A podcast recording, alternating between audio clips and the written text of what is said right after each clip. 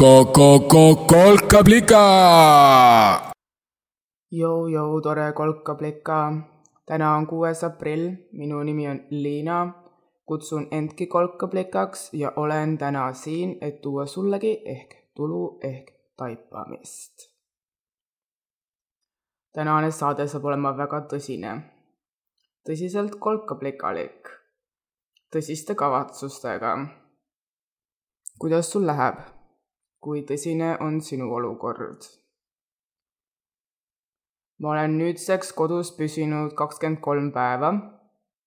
Nende kahekümne kolme päeva jooksul olen kodust väljas käinud täpselt kolm korda poes ja kolm korda viinud kodust välja prügi, biolagunevaid jäätmeid ja taarat.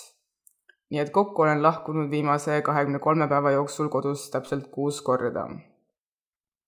Neist kuuest päevast päike paistis ainult ühel, nii et otsekontakti päikesega olen saanud täpselt korra, mistõttu ma söön nüüd veelgi tõsisemalt vanaema soetatud ja poetatud D-vitamiine ehk muretsema ei pea mulle kodus meeldib ja jään ka siin hämaruses tõsiseks D-vitamiini pommiks.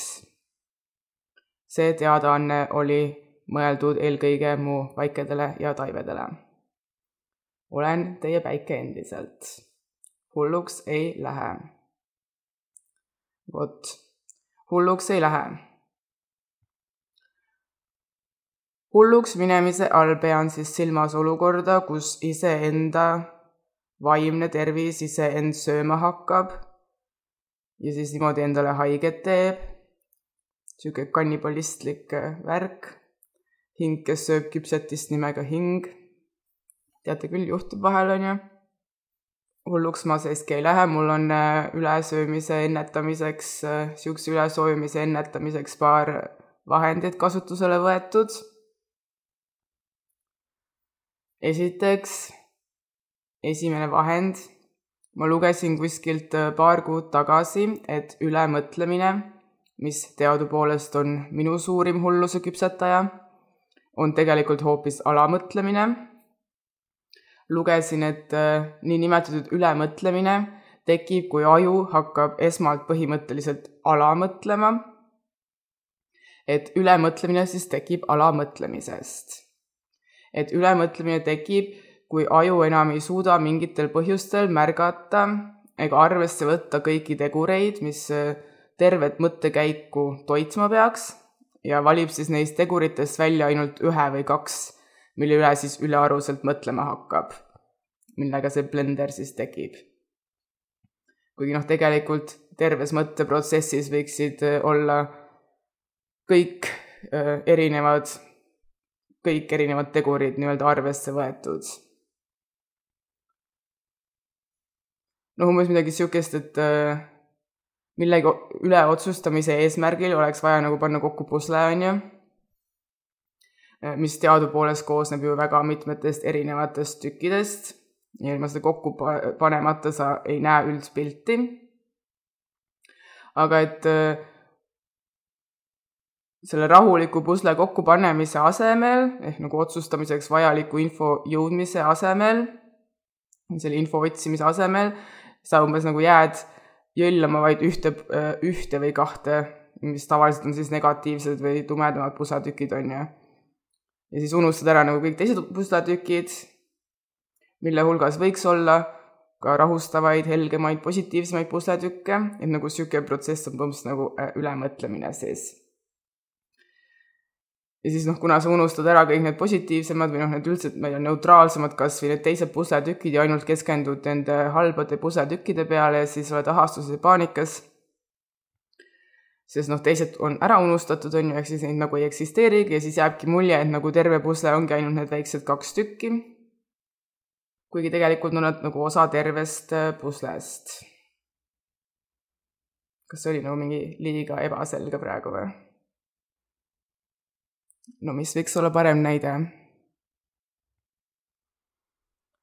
praegu vist äh, internetisuhtluses oleks ehk äh, hea näide näiteks, no ma ei tea, kirjutad kellelegi mingi sõnumi, ma ei tea, milles on mingi riskantsem teema või näiteks abipalve, ja siis sa näed, et see inimene on seda äh, sõnumit lugenud, aga nagu kohe ei vasta. ja siis sul tekib küsimus, et miks ta mulle ei vastanud. ja siis sa hakkad muidugi kohe otsima peas erinevaid variante, et miks ta ei vastanud. esimesena näiteks tuleb meelde, see on siis see Essa pusletükk, on ju, et ehk ta ei vastanud, sest äh, arvab, et äh, sina oled ilgelt täis, ennast täis inimene, kes julgeb üldse midagi niisugust küsida talt ja et siis ta nagu meelega ignoreerib sind, sest äh, mina olen niisugune ja niisugune ja niisugune ja niisugune, on ju. ja noh, siis jäädki kinni sellesse mustrisse, mis nagu ennast muudkui sööb. samal ajal siis ära unustades, et äh, mis oleks siis see ülejäänud pusle, et võib-olla see teine, kellele sa kirjutasid, praegu töötab kodus ja tal on veel tegelikult ka umbes kolm last, kellega ta peab kogu aeg tegelema ja keda ta peab õpetama, sest äh, lapsed on ju ka kõik kodus ja ehk tal lihtsalt polnud äh, kohe mahti vastata, sest noh, kõik see töötajaks ja õpetajaks olemine koduses harjumatuses võib olla ülekoormav, on ju. Ja siis äkki tuleks veel tegelikult meelde järgmine pusletükk, et ta tegelikult ei ole niisugune inimene, kes sinust halvasti mõtleks ja ma ei tea, tavaliselt alati sulle mingi hetk vastab ja noh, kui kõik need ka meelde tuleks, siis ju, siis oleks ju nagu okei okay,, küll ta siis vastab, kui momendi leiab. see oleks siis see nagu terve, ennast rahustav, mitte ülemõtlev, normaalmõtlemine. Ehk põhimõtteliselt, mida see artikkel tahtis väita, on see, et ülemõtlemine tekib siis, kui loogika rakendamine, erinevate tegurite märkamine ja nende omavahelise võrdlemise oskus mis ma ütleks, et on siis loogika, on nii-öelda nõrgaks jäänud.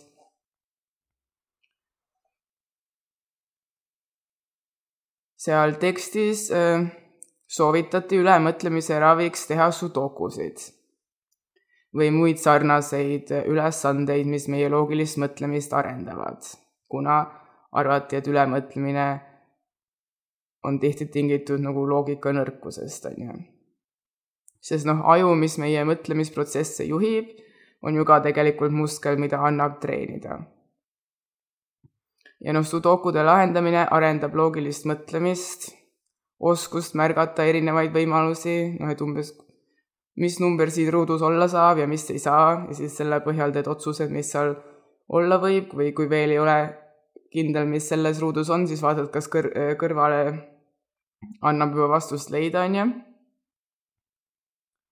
ja et kui siis seda sudoku trenni teed nagu piisavalt, et siis äh, hakkab ka see tõlkuma su nagu ülejäänud eluvaldkondadesse või ellu. et siis saad ka mujal paremini, kergemini, hõlpsamalt äh, või noh, oskad näha paremini äh, neid erinevaid variante, mille vahel kaaluda või mida arvesse võtta, kui mingit suuremat või väiksemat otsust või mõtteprotsessi haldad. nii et põhimõtteliselt sudokud on selle artikli järgi ülemõtlemise vastased, ülemõtlemist ennetavad ravimid. mina muidugi pärast selle artikli lugemist suure sudoku fännina olen äärmiselt tõsiselt sudokude lahendamist võtnud.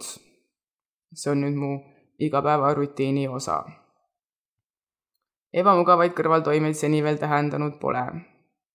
pigem on lõbus. teise hulluks minemist ennetava vahendina olen jälle hakanud mediteerima, nii tõsiselt kui tuju on ja tuju on juba viimased viis päeva päris tõsine olnud. tuju tegelikult isegi nagu tekkis varem, esmalt noh, tuli mõte, et oleks tore võib-olla uuesti teha seda, sest see esimene kogemus oli nagu hästi meeles ja ta mõjus rahustavalt, nagu kainestavalt. aga mul nagu kohati ikkagi äh, on veider seda mediteerimist kui mingit lausimporttoodet tarbida. Ma mõtlen seda, et mul nagu mott kukub väga kergelt, kui mul tekib tunne, et ma pean seda nagu ainult ühtemoodi õigesti tegema, on ju. ja ma niikuinii ei oska ja ei jaksa ja nii palju reegleid ja blablabla bla, bla, on ju. nii et siis ma äh, ka rakendasin jälle seda loogikat, mõtlesin, et mis mind siis mediteerimise puhul tavaliselt nagu häirima hakkab, miks ma selle tegevuse lõpetan või sellest nagu kõrvale hiilima hakkan, on ju. ja nii leidsingi paar lahendust, mis nüüd need viimased päevad on siis vähemalt päris hästi töötanud. esiteks, ma ristisin mediteerimise ümber lõdvestumiseks. ristisin ümber, sest see sõna tundub ikka veel liiga võõras ja sihuke liiga eputav ka noh, kõlab natukene umbes nii, et kui ma ütlen, ma mediteerin, ma nagu arvaks, et ma olen kuidagi kõigist teistest parem, sest ma nagu tean seda salanippi, kuidas mediteerimine käib, on ju. ma siiski arvan, et ma täpselt ei tea. aga kui ma ütlen lihtsalt, ma ei tea, lõdvestumine või lõõgastumine, mis on ka sama hea sõna äh,, siis on kuidagi nagu lihtsam seda harra-, harrastada, sest sõna on nagu tuttavam, on ju. ja siis peale selle niisama ümberristimise ma ka kirjutasin kergelt ümber nii-öelda programmi sisu. ehk siis veel täpsemalt kutsun ma nüüd äh, mediteerimist õe lõdvestumisharjutuseks, mida ma siis üldiselt teen hommikuti. no põhimõtteliselt on see sama nagu mediteerimine, ehk äh, ilmselt nagu sa ette kujutasid, kui ma essat korda ütlesin, et ma mediteerin, siis jep ma istun paigal, kui ma lõdvestun. ja vastavalt ujule olen üldiselt silmad kinni või siis vahel ka natukene lahti, täpselt nii, nagu keha nõuab. ehk ses suhtes ta nagu visuaalselt eriti ilmselt ei erine mediteerimisest. tegemist on paigal istumisega, paigal olemisega ja noh, suurim muutus mu programmis on ka siis see, kuidas hoida oma mõtteid äh, mitte nagu ketrama hakkamast. kui nagu tavaliselt äh, nende juhendatud meditatsioonide puhul öeldakse sulle, et äh, loe oma hingetõmbeid, on ju, et see oma hingetõmbe, tõmmete lugemine hoiab nagu noh, keskendunult hingamisel, siis äh, mul on nagu juba varem hakkas see loetlemine pinda käima või nagu tundus tüütu ja noh, nüüd praeguses olukorras tundub nagu kuidagi eriti kohatu. ma olen muidugi väga rõõmus ja tänulik, et ma endiselt saan oma hingetõmbeid loetleda. aga nagu praegu, kui arvutiaknasse uudiseid vaatama lähen siis seal on nii palju numbreid, mis üldiselt ei ole ju üldse seotud toredate asjadega.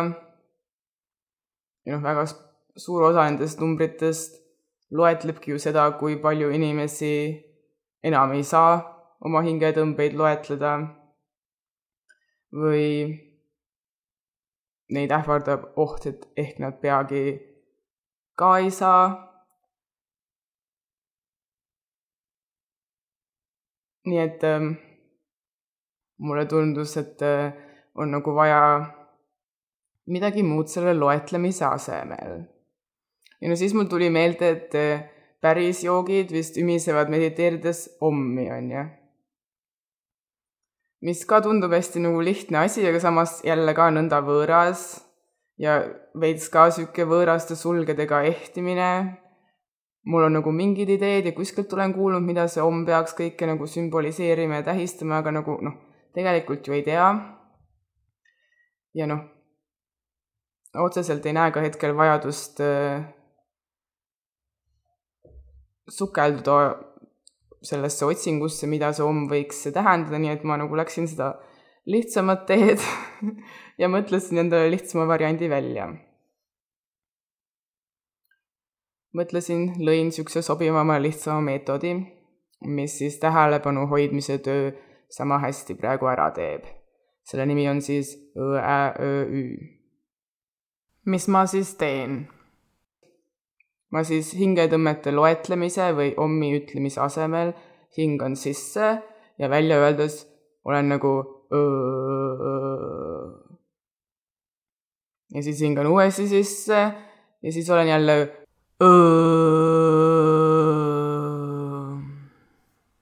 ja siis jälle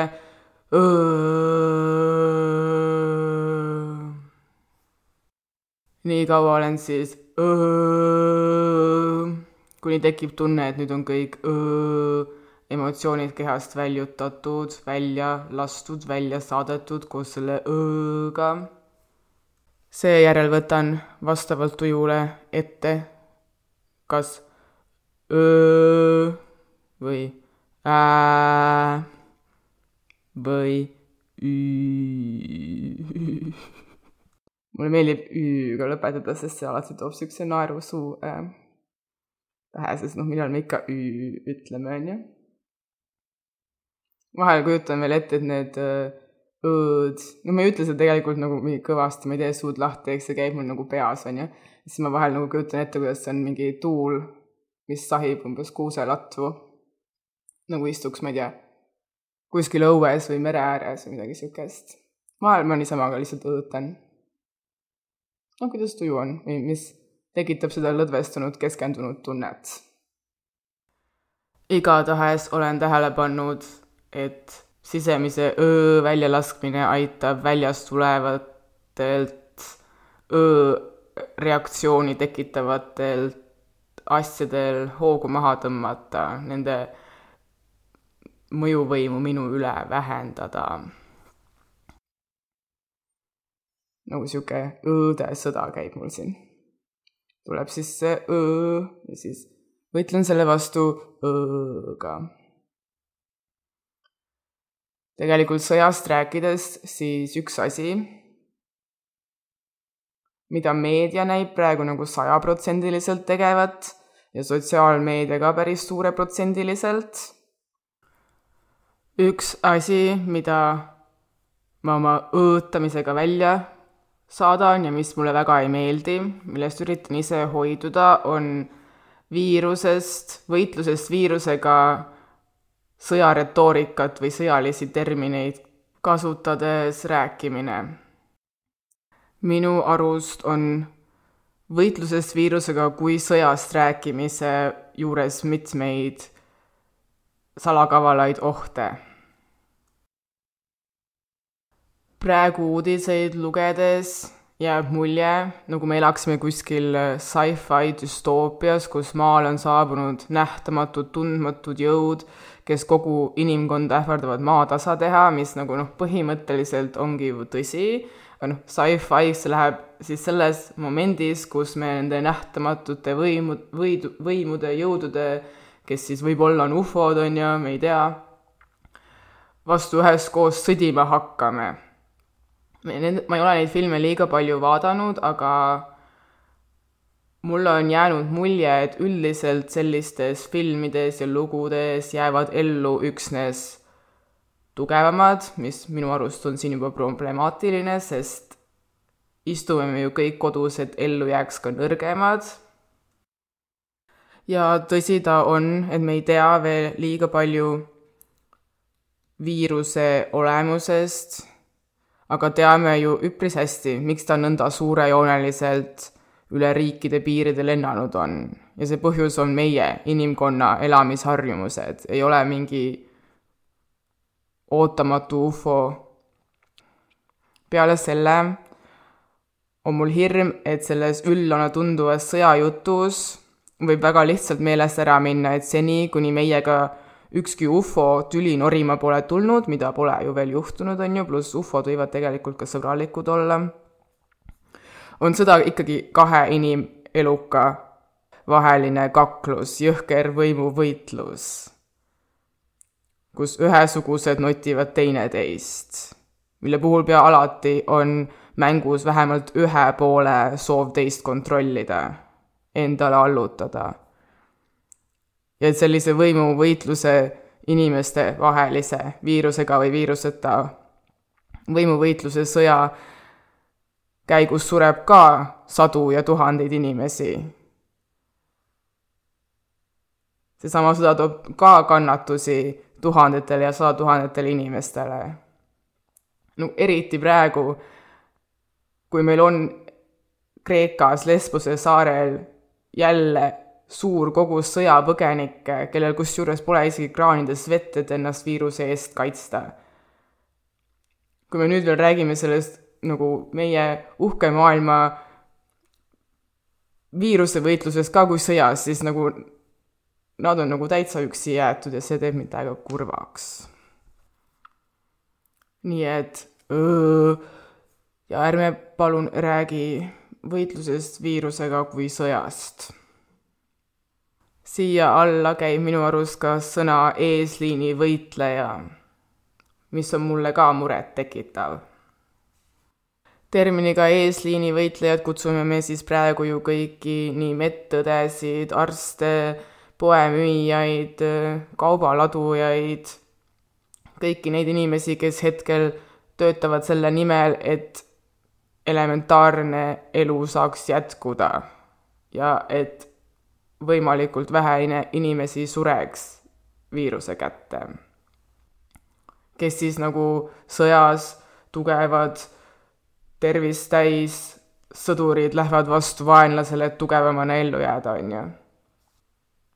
Praegune eesliin, niinimetatud eesliin, on tekkinud üksnes sellel joonel, kelleta me elus, mida ähvardab siis haigus, hakkama ei saa ja tihti need inimesed on seal paratamatult.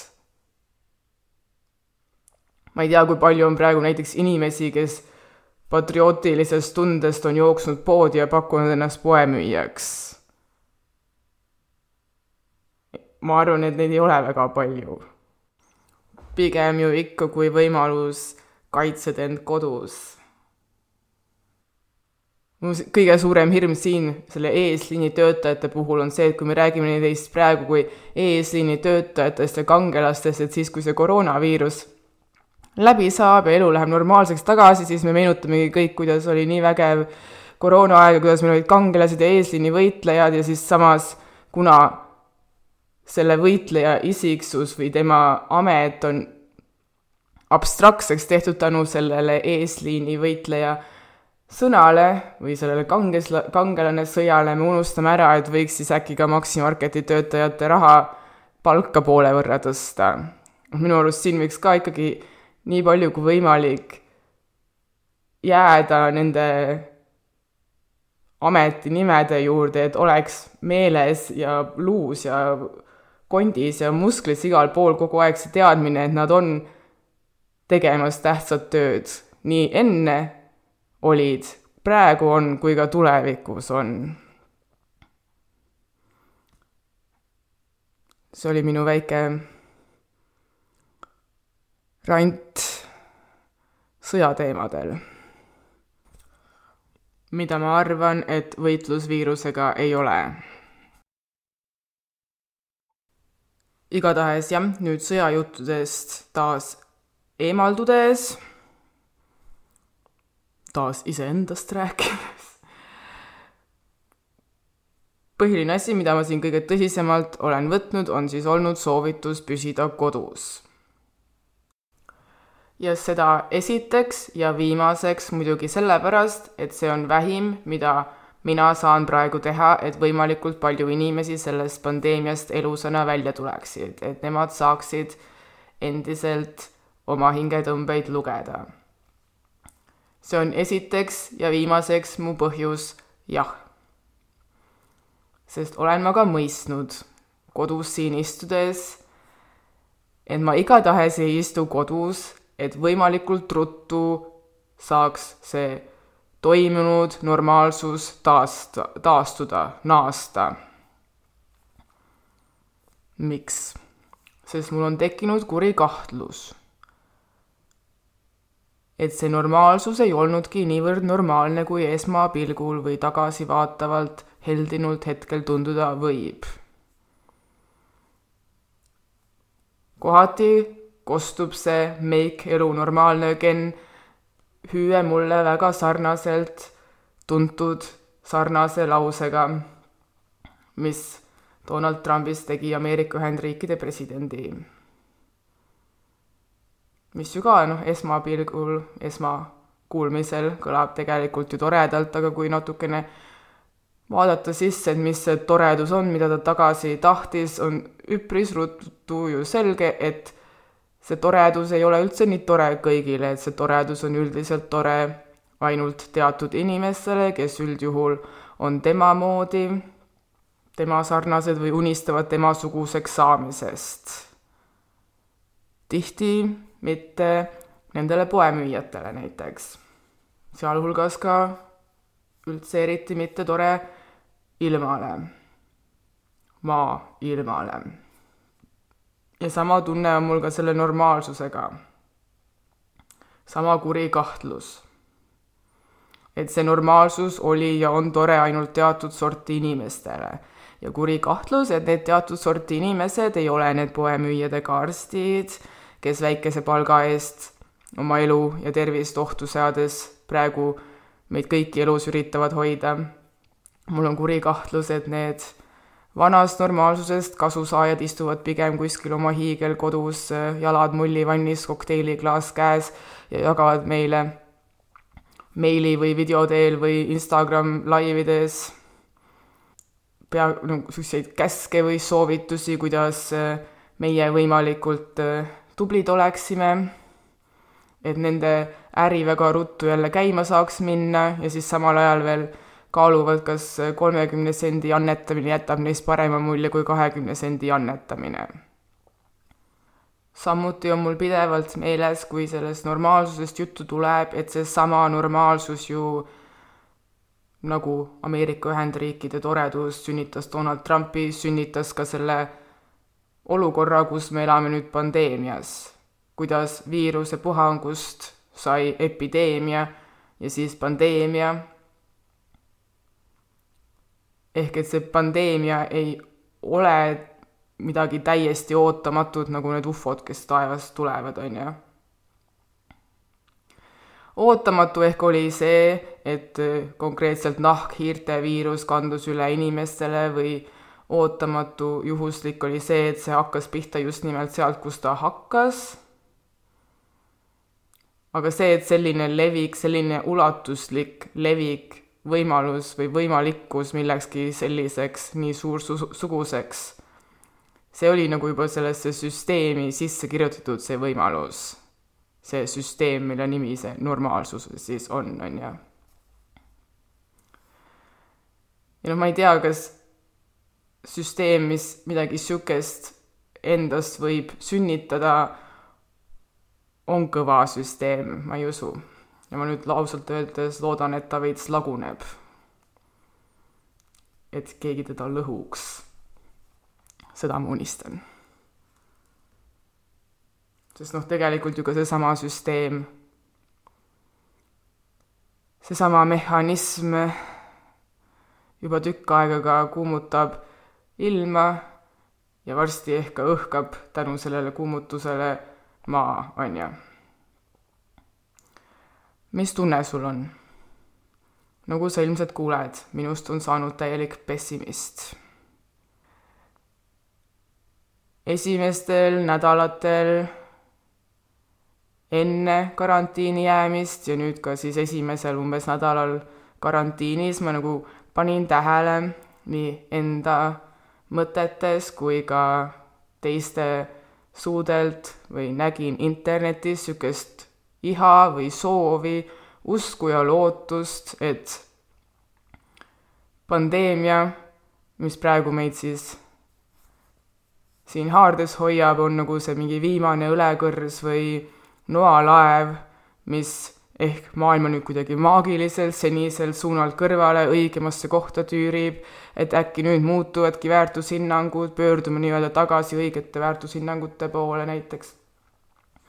Või saavutame maagiliselt plõks järgmise teadlikkuse tasandi a la Villitoo ja blablabla bla, bla, bla, ja siis mul ei jäägi nagu muud üle, kui nüüd rõõmsalt noh, natukene kurvastades, aga rõõmsalt äh, diivanile oma tagumik potsatada, jalad lauale tõsta ja siis ma ei tea, käed ka panna veel kukla taha ja siis jääda ootama, kuidas nüüd maagiliselt minu silme ees maailm toredaks muutuma hakkab kuidas kõik nagu ägedalt terveneb. nii et ma ei lilli ega ajurakkusid liigutama ei pea.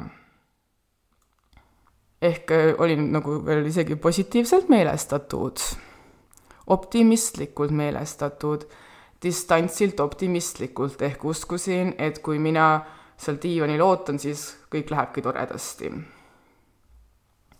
aga noh, kolmandal päeval ma sain pange külma vett kaela. Kes viskas? ma ise muidugi nimelt täiesti juhuslikult, tõesti täiesti juhuslikult või noh, teistel põhjustel osutus mu esimeseks lektüüriks karantiinis mu oma vana päevik aastast kaks tuhat üheksa. mina olin siis kaheksateist. noh, üldiselt vist ei peakski sellest rääkima, sest ega ta midagi erilist ei ole, niisugune tüüpiline hilisteismelise jutt peamiselt erinevatest äh, armuprobleemidest, nii sõprade kui mitte olemasolevate kallimatega ja hala, niisugune kerge hala või mure oma paigast ära tunduva enesetunde üle. ja noh, mul endal ei tegelikult oli suurem osa sellest päevikust niisugune, oh kui nunnu ma olin nunnu äh, tagasivaatamine, on ju. aga noh, kuna juhuslikult, tõesti juhuslikult sattus mulle kätte päevik aastast kaks tuhat üheksa, siis ma olin sinna ka pannud ühe minilõiguna kirja oma tollase pessimismi. oma tollase pessimismi, mis mind tegelikult isegi ei üllata, sest niisugune äh, poolmasekas introvertne pessimism oligi minu tollane stiil.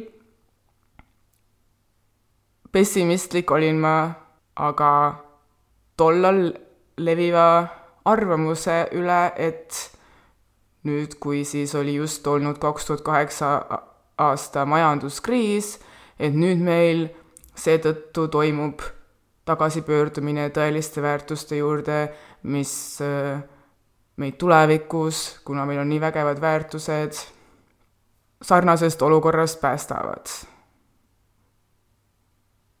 Ja noh, ei ole ju päästnud. ja okei okay,, meil ei ole otseselt äh, tegemist kinnisvarabuumiga, mis mullina lõhkeb ja seetõttu majanduskriis tekib. aga noh, teistpidi ma arvan, et me ei saa ka öelda, et inimkonnana meie väärtused oleks kuidagi paremini paika loksunud. oleme jälle uues kriisis, samamoodi istun diivanil, jalad laua peal ja ootan, et, loodan, et nüüd ehk saame kõik aru, kui lollid me tegelikult oleme olnud. ei usu.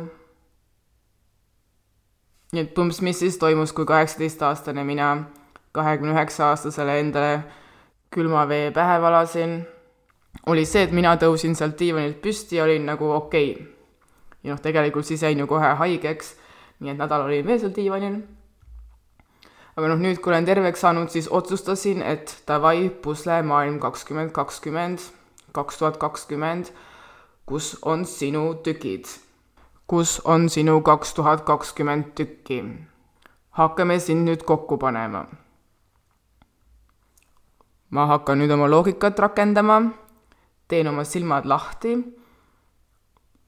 ja olen vähemalt veendunud, et ma ise üritan neid väärtushinnanguid muuta ja hoida. sest ausalt öeldes ma enam ei tahaks, et kaheksateistaastase minu pessimism näiteks kolmekümne viie aastase minuga jälle üles ärataks. Pole nagu kõige lahedam tunne äh, noorelt endalt äh, ma ei tea, kõrvakiilu saada. nii et magama ma enam ei jää see on minu lubadus koroonakriisi järgseks ajaks. noh, umbes nagu tead, see tuntud ütlus, et kui tahad muuta maailma, siis muuda esmalt iseend. ma isiklikult arvan, et ma enam suurt muutmist ei vaja, ma arvan, et ma olen okei okay ja veel hullem juba praegugi täpselt sellisena, nagu ma olen. ja no okei okay,, üks asi on käitumisharjumused, millega mina ennast sada protsenti ei identifitseeri, ma täiesti ei arva, et mina olengi see, kuidas ma käitun. ja arvan nii just seetõttu, kui palju lihtsam on käitumisharjumusi muuta kui iseend, sealhulgas ka näiteks tarbimisharjumusi. Aga noh, nagu pessimismiga ikka, siis pessimism võib ise piduriks saada. ehk mida hakata pihta pessimismiga, oli mu esimene küsimus. kuidas taastada usku inimkonda? loogika, pessimismist tuleb teha kütus. muidugi. Ehk järeldus, milleni ma jõudsin oma kaunist kelmikat sudoku treenitud loogikat rakendades, on järgmine. et taastada usk inimkonda, tuleb esmalt muidugi taastada või värskendada usk iseendasse. ja siin on tegelikult pessimism abiks tundub, et asjad ei ole ikka päris toredad ja head, siis on isu ja iha ise rohkem vaeva näha, et nad päriselt heaks või toredaks saaks. et vähemalt minu väärtushinnangud saaks paika. ma kutsun seda pessimistlikuks optimismiks. seda optimismi pessimismist tekitabki eneseusk usk enda võimekusse.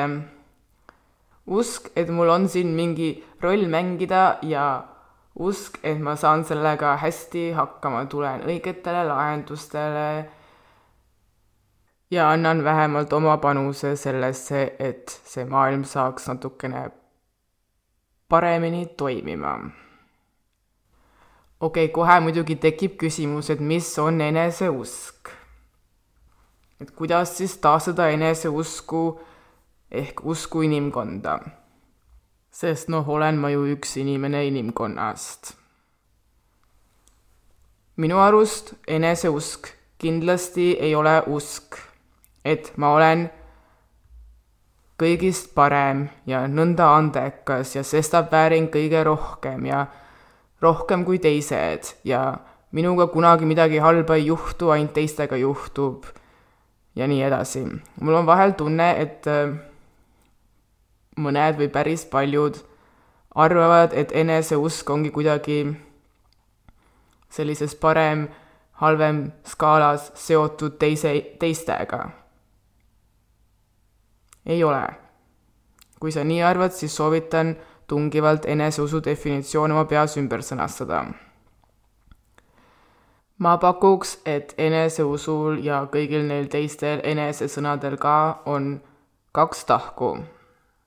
Esiteks on see mingit sorti veendumus, tõsine veendumus, usk, et kui midagi läheb ummikusse, mida praegu ilmselt tänavatel ei juhtu, aga kas või näiteks mentaalselt, või noh, midagi ei tule välja või kui leiad end järsku, ma Müürilehest just lugesin seda metafoori ja mulle täiega meeldis, kui leiad end järsku lõuani sita sees, siis eneseusk on see usk, et kui midagi niisugust juhtub, kui tekivad takerdused või takistused teel, et leiad endas jõu püsti tõusmiseks, sitast välja ronimiseks, leiad jõu, et mitte lasta pead norgu, sest siis on su nina sitane ja leiad ka jõu jah, end välja sealt kookida. leiad jõu nende lahenduste leidmiseks, kuidas end välja kookida. See on põhimõtteliselt see usk, et jah, saad hakkama, kuigi mulle see sõna ei meeldi, saad hakkama, kui midagi lähebki valesti. tuled sealt tugevamana välja. teine tahk eneseusu puhul minu arust on valmisolek täie tõsidusega uskuda oma ideede väärtuslikkusesse, oma ideede ja ka tunnete, emotsioonide tõelisusesse ja väärtuslikkusesse täie tõsidusega. tunda nende ideede ja tunnete vastu tõsist huvi vaadata, kust nad pärinevad, kuhu nad võivad mind viia, mida võivad meile kõigile tuua, mida meil kõigil on sellest õppida. Nii siis, kui nad tunduvad tavalised, aga eriti veel siis, kui nad tunduvad esialgu täiesti ebanormaalsed või jaburad või veidrad või tühised või tähtsusetud või väärtusetud ja eriti siis, kui nad pole seotud sellega, kuidas hästi ruttu rikkaks saada. aga noh, siis ka, kui seal natuke raha kuskilt koliseda võib. Need on minu arust kaks enese usutahku. veendumus, et selg jääb sirgu või isegi kui küüru vajub korraks, siis tuleb jõud seda jälle uuesti sirgu lükata ja tõeline tõsine huvi enda mõtete, ideede ja tunnete suhtes. see on minu versioon, mis sa arvad, mis on eneseusk sinu jaoks? kuidas on sul eneseusuga lood? Ja vot nii, siin ma täna ka lõpetan. väga tõsine saade on nüüd läbi saanud. kuradi tosinat saadet on mul nüüd tehtud. teadaandena eelmise saate lõpetanud viktoriini kohta kui sa vastasid, et minu lemmikkeha osa number üks on minu aju, siis karantiini lõppedes jõuab sinuni ka lubatud auhind. Mu lemmikkeha osa number üks on tõesti mu hetkel sudoku trenni ja õõ tühjendamist harrastav aju. nüüd lähen siis pusled kokku panema, tükke otsima. esiteks Kuulmiseni järgmisel teisel esmaspäeval. X. Liina